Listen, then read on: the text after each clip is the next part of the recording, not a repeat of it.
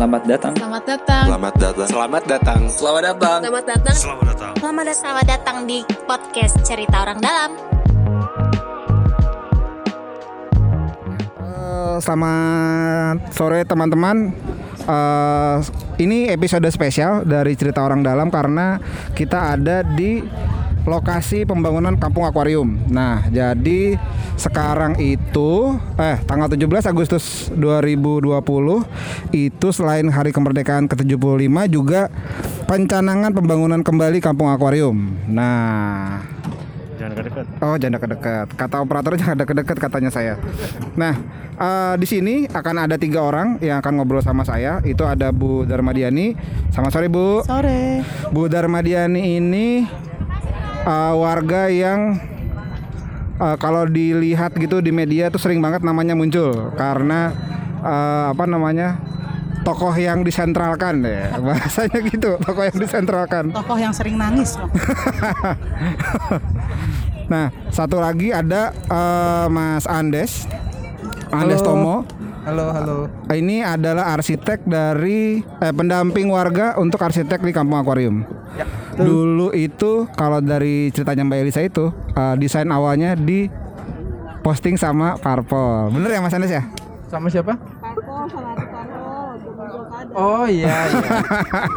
Iya iya iya. itu rame Dulu. sekali itu.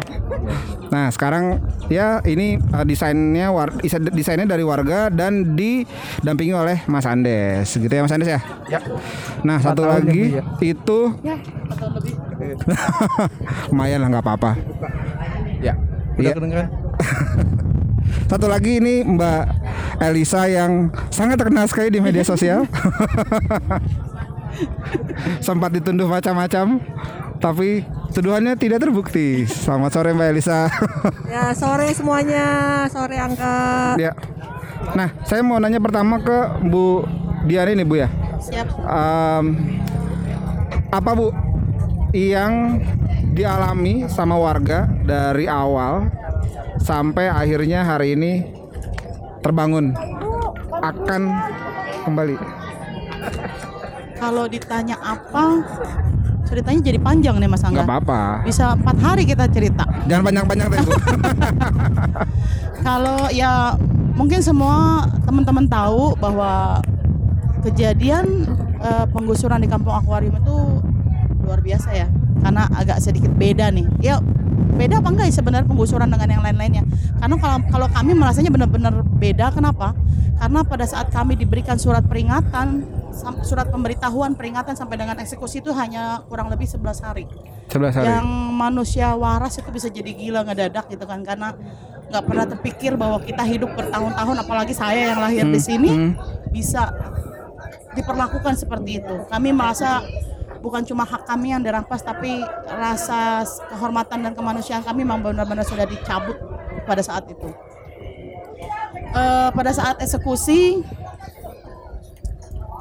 yang kami kecewakan itu adalah pengerahan aparat yang sangat luar biasa di kampung kami. Waktu itu kurang lebih 4.300 aparat polisian dan pamong praja yang dikerahkan di kampung kami. Sedangkan warganya itu nggak lebih dari 500 kakak. Hmm, hmm, hmm. Jadi itu yang juga saya bilang ada apa, kenapa gitu kan. Eh, seiring waktu sampai dengan tiga bulan pada saat kami masih bertahan di sini itu ada Hmm, bantuan hmm. dari beberapa aktivis kemanusiaan, ada dari partai dan lain sebagainya Hmm. ada di sini. Kami sambil bebenah diri dibantu oleh LBH Jakarta untuk melakukan gugatan class action. Hmm. Sebelumnya kami mau PTUN, tapi karena ternyata waktunya sudah selesai tidak bisa, Hmm, sudah hmm. sudah habis, akhirnya kami mengambil opsi kedua yaitu eh, class action. Hmm, hmm. Dan di situ juga saya ketemu sama Mas Andes. Pertama kali dengan rujak itu ya Mas Andes. Hmm. Mas Andes dengan tasnya ditemenin sama Pak Marco yang pakai handuk. Jalan dari puing-puing itu udah kayak pahlawan-pahlawan yang keluar gitu loh. Yang Oh. dari bukit-bukit kita kan waktu pas penggusuran itu kan ada ini ceritanya beneran loh Mas. ada bukit-bukit gusuran gitu kan Iya iya iya puing-puing poin-poin gusuran. Pak Marco dengan Mas Andes jalan gitu terus nyapa warga segala macam tapi itu belum belum nyapa saya masih masih ini aja gitu kan. Hmm. tapi pas ngedengerin berapa kali Mas Andes bicara bertanya dan lain sebagainya itu tertarik ternyata juga LBH Jakarta kenal gitu dengan Hmm, hmm. yang namanya rujak ini gitu Hmm. nah dari situ kita mulai intens ketemu eh, menyusun mimpi Hmm, kalau kita bilang menyusun mimpi walaupun kita udah sempat berkali-kali diteriakin orang gila gitu. orang gila bener-bener dan itu disebut orang gila Bu, potong sedikit Bu. Itu kan warga habis itu kan memutuskan bertahan gitu ya. Iya. Yang tadi ini pasti sambung nyambung nih sama yang tadi disebut orang gila orang gila itu ya. Ah, menurut saya tapi itu menarik karena banyak orang tuh yang bertanya kan ngapain sih eh, tinggal di situ gitu. Iya. Karena kan udah disediain rusuh rumah susun.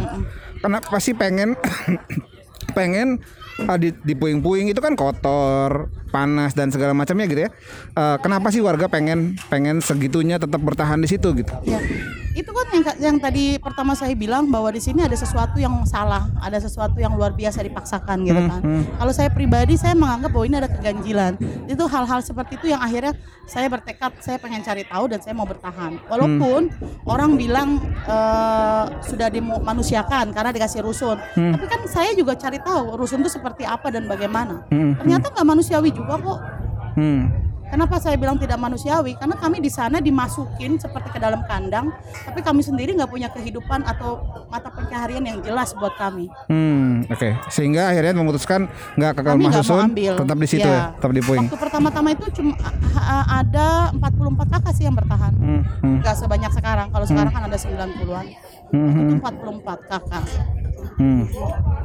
Benar itu karena eh, itu salah satu plot penting kayaknya di di karena kalau misalnya eh, saat itu warga keluar Pindah dari semua. pindah semua, nggak akan ada ceritanya. Iya.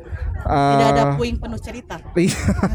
Pasti langsung jadi wil- apa ya kawasan konservasi cagar budaya waktu itu. tempat parkir, tempat parkir. Tempat Jadi parkir tempat ya? Oh parkir. iya, jadi taman hijau juga ya. Atau air petranya luar Batang yang pada saat itu salah satu tokoh di luar Batang Hmm. menyurati Pak Gubernur untuk meminta mengosong, mengosongkan lahan kampung akuarium untuk dijadikan air petra dan saya baca langsung surat itu Oh. Pak Anies langsung Siap siap siap siap. sedih banget soalnya itu dari saudara kami juga Nah, setelah itu eh, setelah tadi kan dari Bu Yani, saya mau ke Mas Andes nih. Apa yang membuat kan gini pendekatan fasilitasi arsitektur perum- perumahan warga gitu ya, itu kan hal yang sangat jarang. Semua eh, dan dan prosesnya sampai hari ini gitu, eh, teman-teman arsitek itu biasanya merasa tahu kebutuhan. Nah, apa yang membuat proses fasilitasi akuarium ini jadi beda? Kalau pas pertama sih sebenarnya nggak mikirin desain ya waktu itu karena memang pendampingannya waktu itu lebih ke kebutuhan mendesak. Waktu itu tuh kebutuhan mendesaknya adalah air bersih. Hmm, hmm, Jadi memang waktu itu yang dipikirin cuma gimana dapetin air bersih untuk warga yang bertahan. ya ya Eh, karena eh, pipa air pumpnya diputus, gitu. diputus juga. KTP-nya oh. dicabut, listriknya juga diputus, jadi kayak eh, kondisinya sangat memprihatinkan. Hmm, hmm. Nah, baru kemudian setelah kebutuhan-kebutuhan primernya itu teratasi gitu ya, mau ada jalan keluar dengan eh, bantuan banyak pihak juga, Ya ya. itu baru eh, mulai bertanya lah apa me- menawarkan gitu ya ke, ke warga untuk Hmm. gimana kalau kan selama ini warga selalu bertanya emang kampung akuarium tuh mau diapain? Iya. itu nggak ada yang tahu gitu loh. Nggak ada yang tahu desainnya kita nggak pernah lihat. Akhirnya eh, terpikir gimana kalau kita aja yang melemparkan merencanakan. eh, merencanakan, Merencanakan. gitu karena nggak ada yang nggak ada gambarnya nggak ada rencananya kenapa nggak warga yang mengusulkan Hmm, gitu. hmm. akhirnya ya ya tadi Bu Yani bilang apa kita mulai nyusun mimpi gitu dari situ. Hmm. kita nggak tahu apakah akan terbangun atau enggak ada yang dengerin atau enggak waktu itu. Yang penting bikin aja dulu gitu. Tapi Nah, kan, saya bantu. tapi gini mas, maksudnya ini ini pasti orang banyak yang mikir emang warga bisa ya?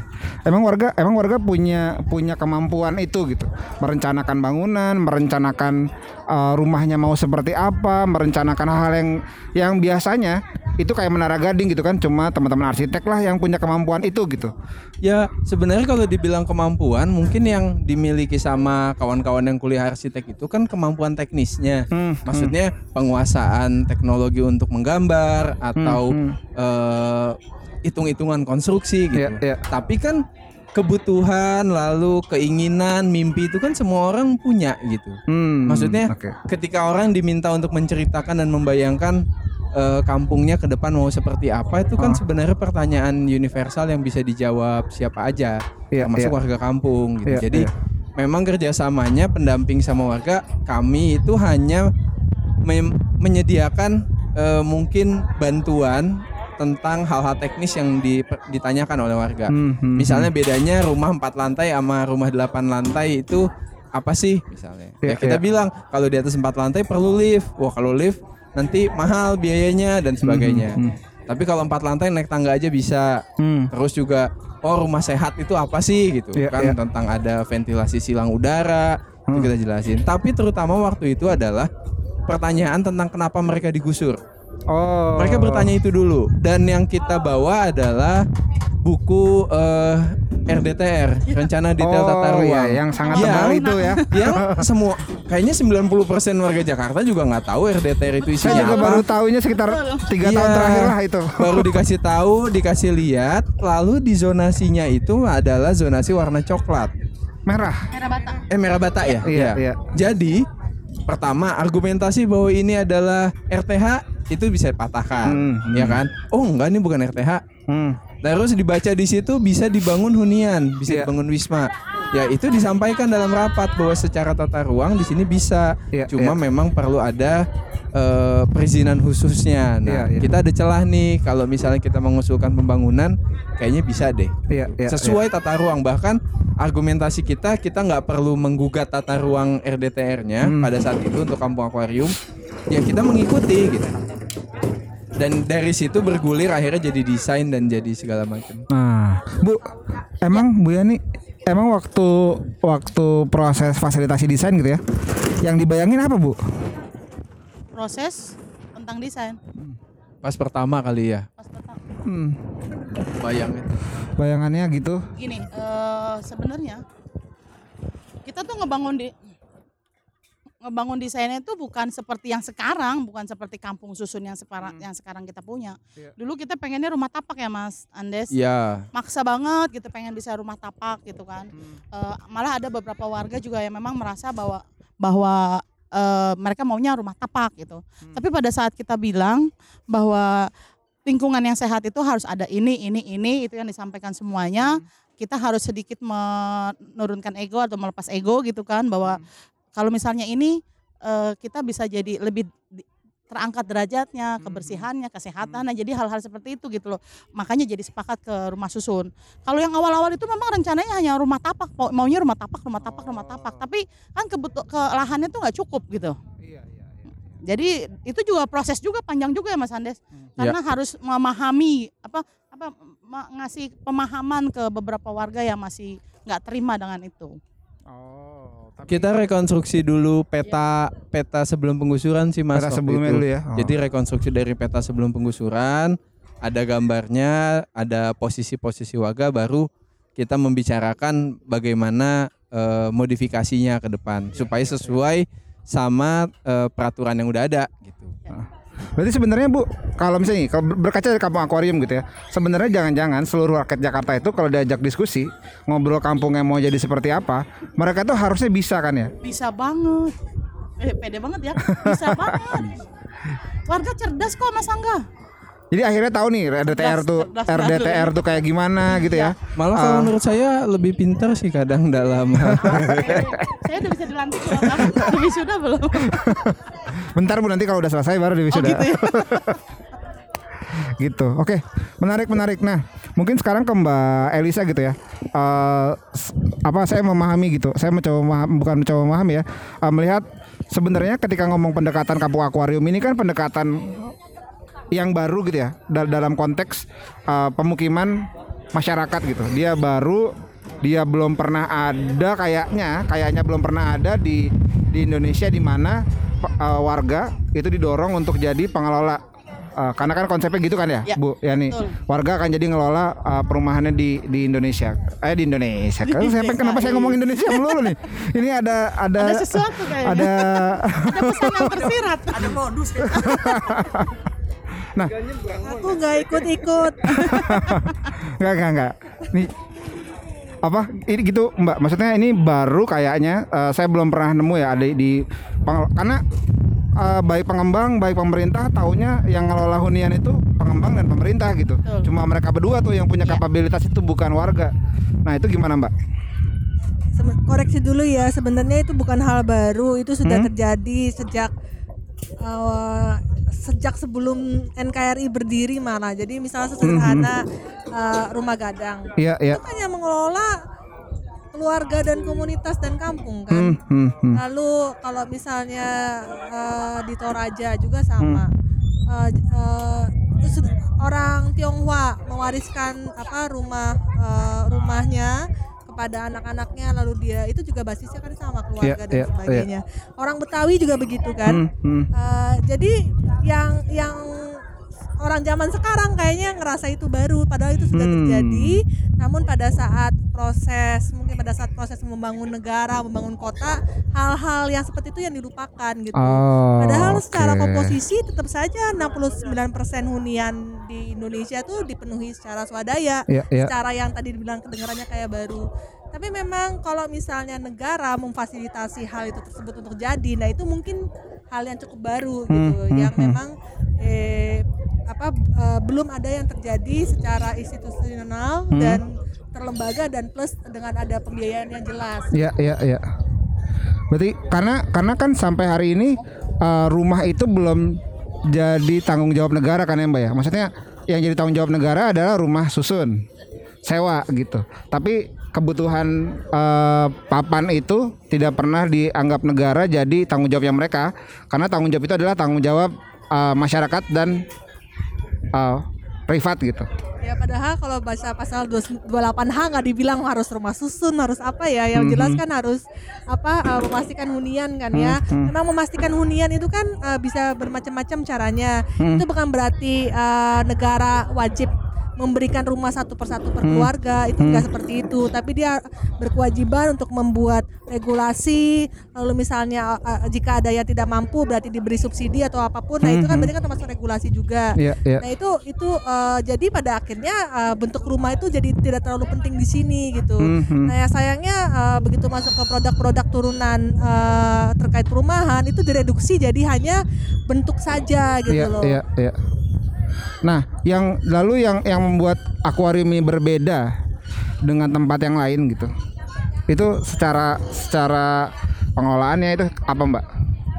Sebenarnya banyak banget ya, cuma mungkin yang eh, mulai dari dramanya dan lain-lain mungkin itu bisa jadi cerita buat, buat cucu saya nanti. Eh, tapi kalau yang menarik di sini adalah eh, ini warga di sini sedang menerapkan kalau istilah bekennya tuh eh, free prior informed consent yang Hmm. biasanya cuma ter- eh, cuma berlaku di masyarakat ada bebas eh, diberitahukan sebelumnya Iya, iya. inform uh, inform dia tahu uh, ta- tahu lalu ada konsen ada ada persetujuan gitu jadi uh, persetujuannya diambil dengan sadar terinformasi konsekuensinya dan atas kehendak bebas dia gitu jadi nggak ada yang Oh. maksa Iya, iya, iya. Nah, ini yang kalau misalnya mau tanya apakah apakah sebenarnya model kayak gini bisa diterapkan di semua tempat? Bisa asal memperhatikan itu gitu. Iya, iya, iya, iya. Nah, nah ini yang yang saya rasa agak jarang terjadi di di masyarakat perkotaan. Iya, Biasanya kan iya. menggerakkannya kan di masyarakat adat, di hutan. Mhm, tapi mhm. di sini sebenarnya sebenarnya penting juga gitu loh. Nggak Hmm. mesti nunggu dia sebagai tanah adat, tapi memang ini kan tanah lahir mereka gitu Hmm, juga gitu. hmm. Nah, ini kalau misalnya pemerintah kota juga menyadari uh, konsep itu, itu sebenarnya bisa. Yang sedang mereka lakukan tuh ini sekarang Mhm. free, prior, inform sama konsennya. Hmm. Ya, Baru yang mau Nih, Bu, Bu Yani sambil tadi meng- mengulang kembali apa yang disampaikan Mbak Elisa tadi. Konsen. Inform. Konsen, Bu. konsen, free, prior, Hmm. inform, konsen.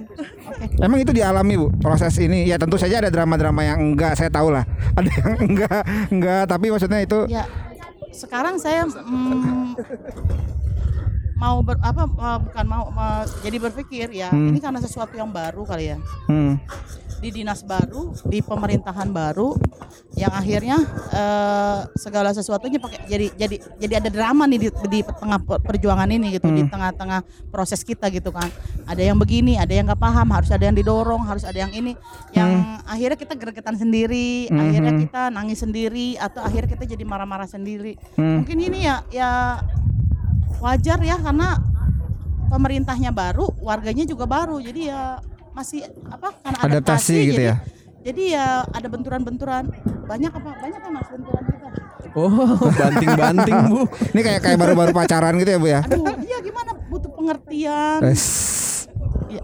Dan ini tergambar hari ini juga. Eh, kalau saya saya boleh melihat gitu ya. Ini kan apa ya? Orang tuh selalu mikir ini kenapa kampung akuarium melulu gitu kan. Betul. Eh, dari apa?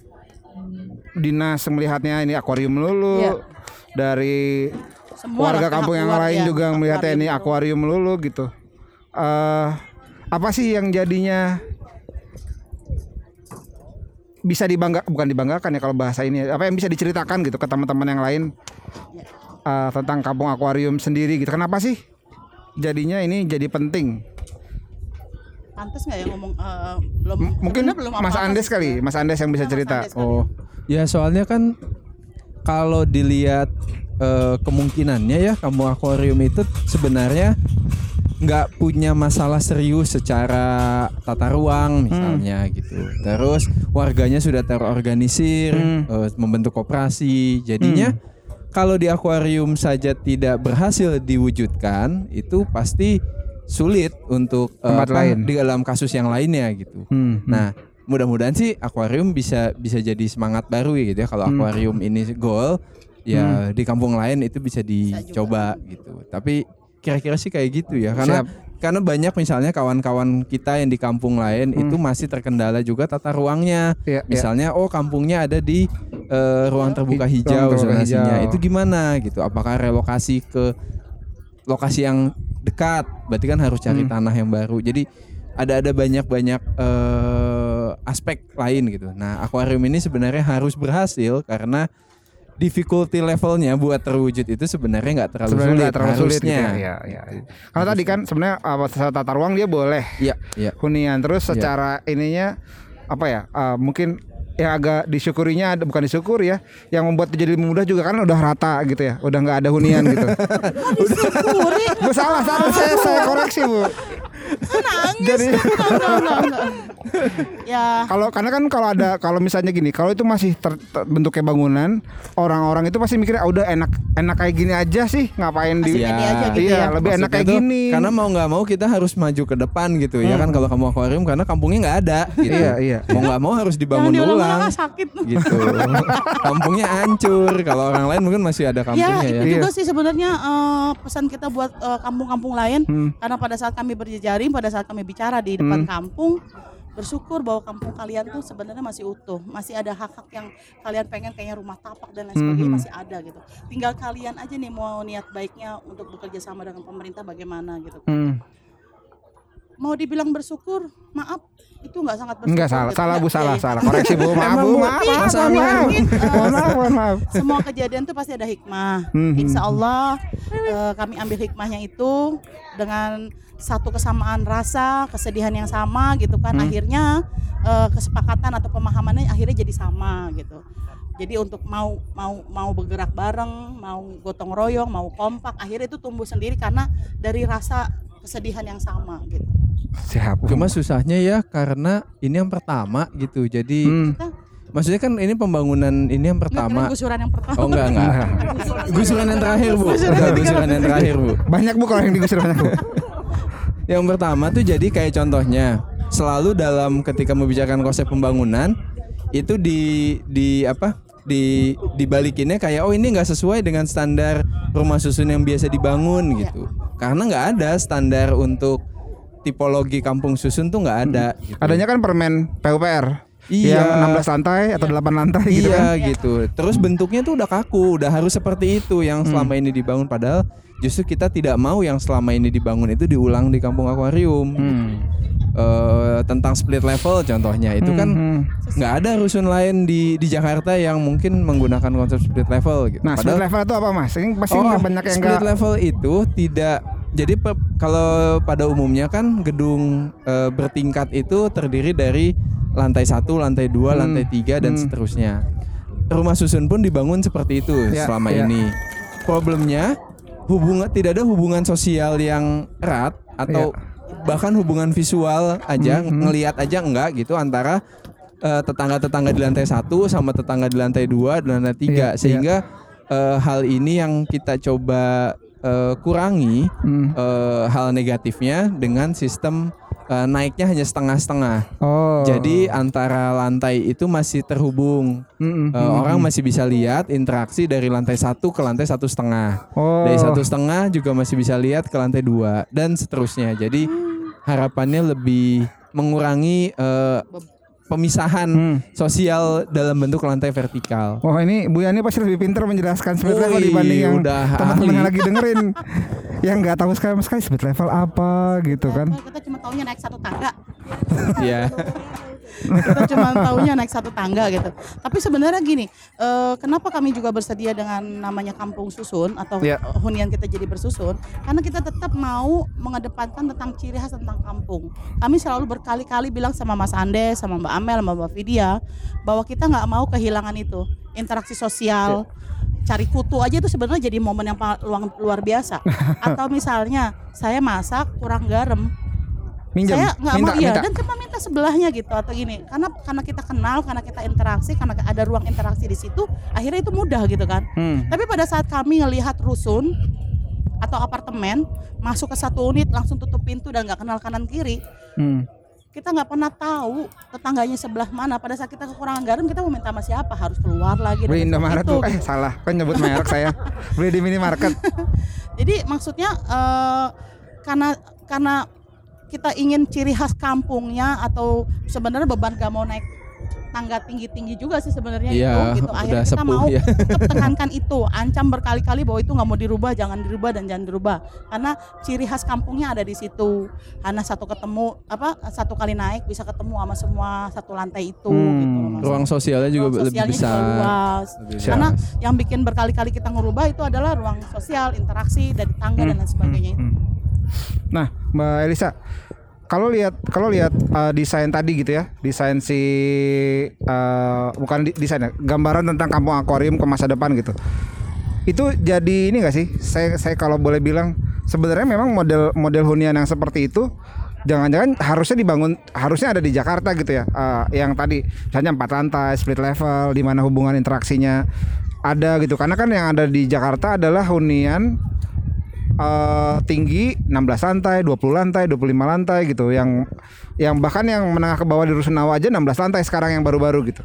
Jangan-jangan itu emang harusnya ada di di Jakarta. Saya nggak tahu nih gimana Mbak Elisa. Eh, bener sih jadi di Jakarta tuh eh, sebenarnya kota yang sangat eh, apa ya cuma ada cuma ada dua dua diksi gitu satu yang dua lantai tiga lantai bangunan tunggal dalam bangunan tunggal tuh berarti rumah tapak ya kalau orang Mhm. awam bilangnya Eh, atau eh, bangunan yang deret berarti kayak misalnya contohnya ruko nah lalu dia ah, satu lagi dia bangun langsung eh, langsung berubah jadi eh, bangunan di atas 10 lantai jadi kayak Hmm. yang 16 lantai, 18 lantai, 24 lantai, 32 lantai dan seterusnya. Hmm. Jadi eh, apa ya kayak kontras sekali gitu. Nah, kita nah kondisi itu kita kehilangan eh, bentuk-bentuk hunian yang ukurannya eh, yang ketinggiannya 4 lantai, 6, lap- 6 lantai dan 8 lantai.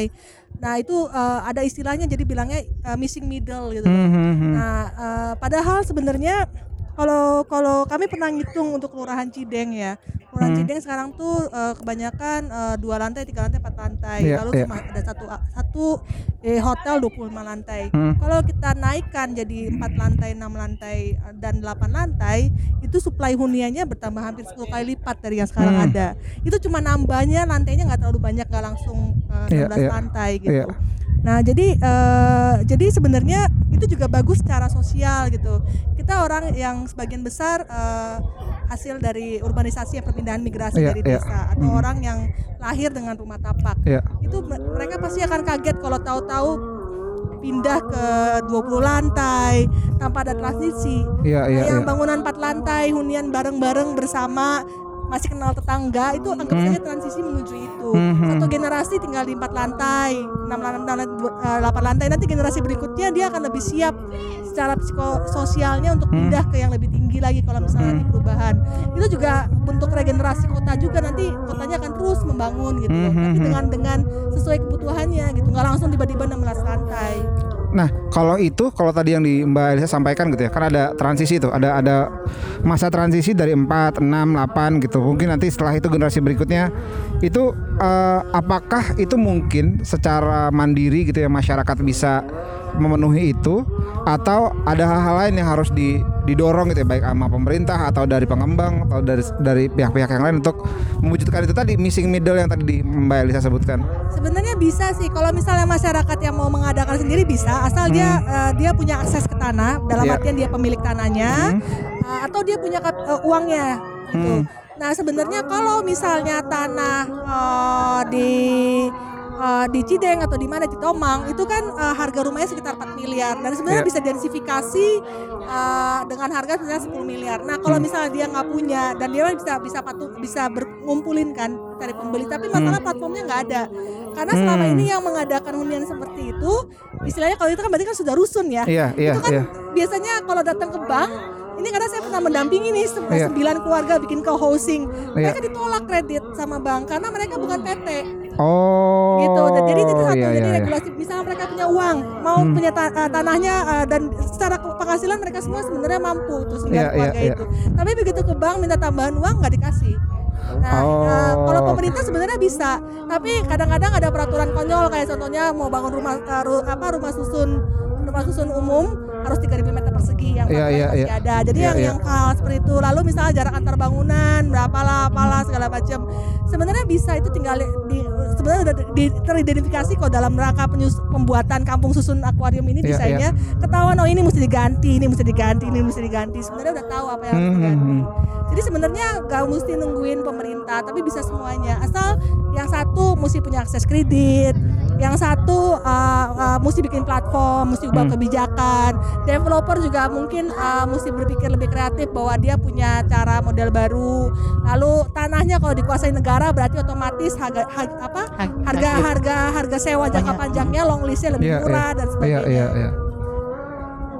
Nah itu menarik karena kalau bicara tadi sewa uh, atas aset negara misalnya itu kan sekarang terbatas lima tahun gitu ya dan kalau konteks perumahan itu kan nggak aman gitu maksudnya berinvestasi di rumah cuma lima tahun dan jadi kalau di Permendagri itu bilangnya lima tahun dan dapat diperpanjang Uh, sehingga safety-nya atau atau tenure-nya nggak nggak nggak itu salah satu yang harus di, di dikoreksi gitu ya. Sebenarnya nggak juga sih, nggak perlu dikoreksi bagian itunya. Ah. Cuma harusnya memperlakukan entitas kayak koperasi dan komunitas itu Oke. setara dengan PT, PT. gitu. Kan Oh, kayak iya. PKS yang Pulau ABCD itu kan, hehehe, boleh sebut merek kan?